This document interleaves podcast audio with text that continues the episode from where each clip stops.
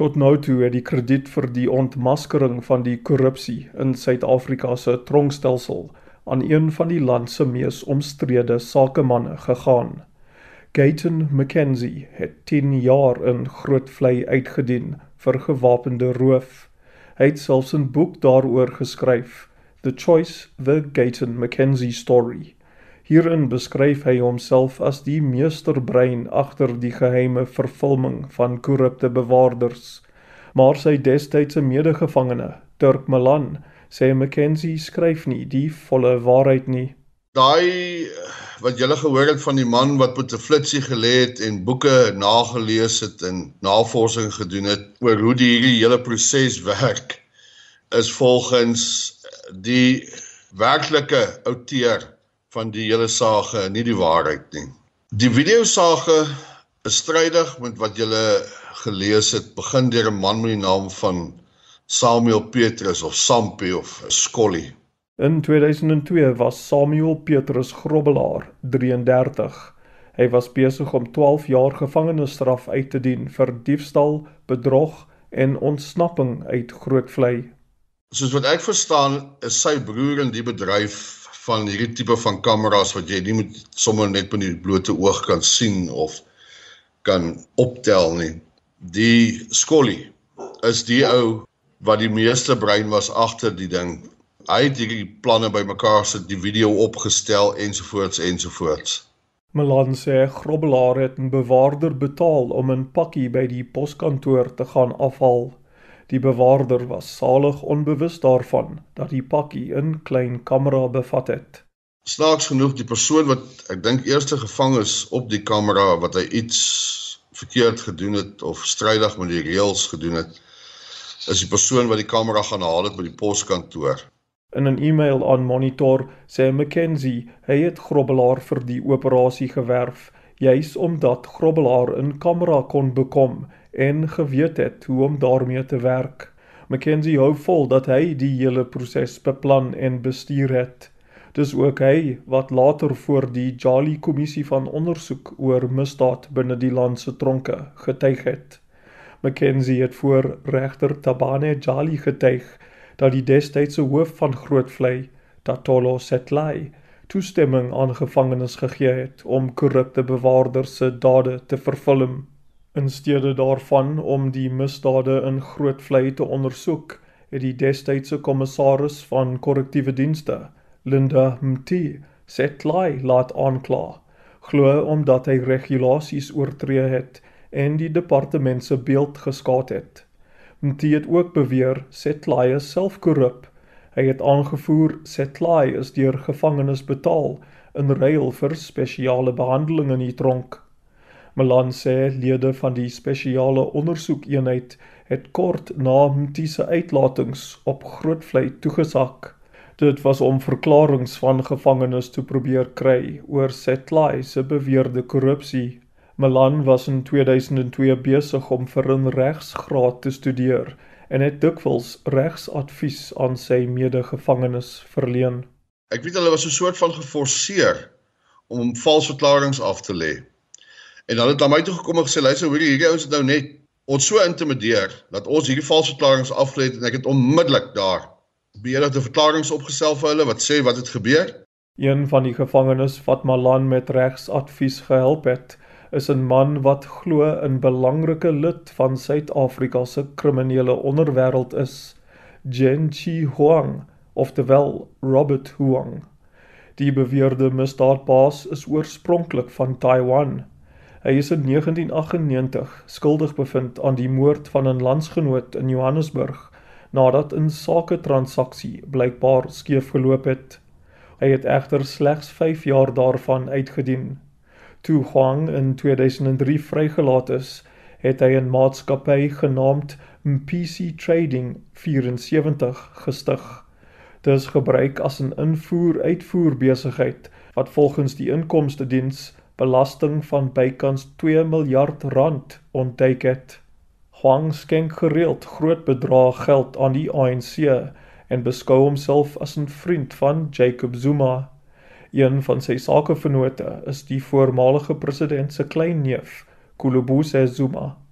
Volgens polisiebronne spesialiseer Huang in douanebedrog, belastingontduiking, smokkelary en geldwasery.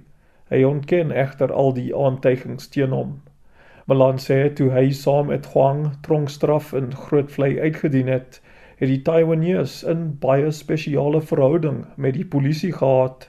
Hy die polisie baie gehelp en ek weet nie wat se saak nie. Ek weet nie waarmee het hy die polisie gehelp nie, maar hulle het hom van tyd tot tyd kom haal en sy hanteerder Ek kan nie die ou se naam onthou nie. Ek dink hy was 'n kaptein of 'n kolonel. Een van die twee, maar ek weet hy was 'n redelike senior offisier. Hy het 'n verklaring afgelê tot die effekte dat hulle bereid was om sy parol aansoek gunstig te oorweeg as hy teen sy klaai sou getuig. Malan sê Huang het 'n verklaring onderteken wat bevestig het dat hy grootvleis se hoof omgekoop het in ruil vir sekere voorregte in die tronk. Maar op advies van Malan het Huang en die ander gevangenes hulle verklaring teen Setlai teruggetrek. Setlai is gevolglik vrygespreek, maar Mti het hom nietemin afgedank. Dit was baie duidelik dat dit was victimisasie. Hulle wou my die pad uit hê want Sitlai is nie betrokke gewees by enige korrupsie nie. Hy is 'n straightforward ou, dis wit of swart.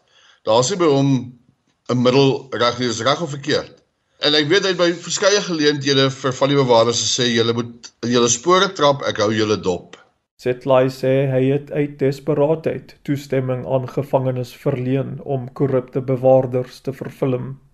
Malan onthou wat Zetlai in die gevangenis van sy werknemers gesê het. They into things that's got nothing to do with rehabilitation or being a correctional official. Dit was duidelik gebleik in die video uit. Malan het nadat hy in laat 2005 vrygelaat is as Zetlai se regsverteenwoordiger opgetree. Die voormalige tronkbaas is nou 65 en afgetree. Hy bly in 'n nederige huis in Bloemfontein en het vir Milan toestemming gegee om namens hom met Monitor te praat. Setlai sê hy het verskeie kere by die departement korrektiewe dienste aangeklop om misdaad en korrupsie in Grootvlei aan te meld, maar sy klagtes het op dowe ore geval. Setlaie toe begin vermoed sy seniors is ook by die korrupsie betrokke, veral toe Mtief vir hom afgedank het. Onlangse gebeure dui daarop dat Setlaie se vermoedens waarskynlik korrek was.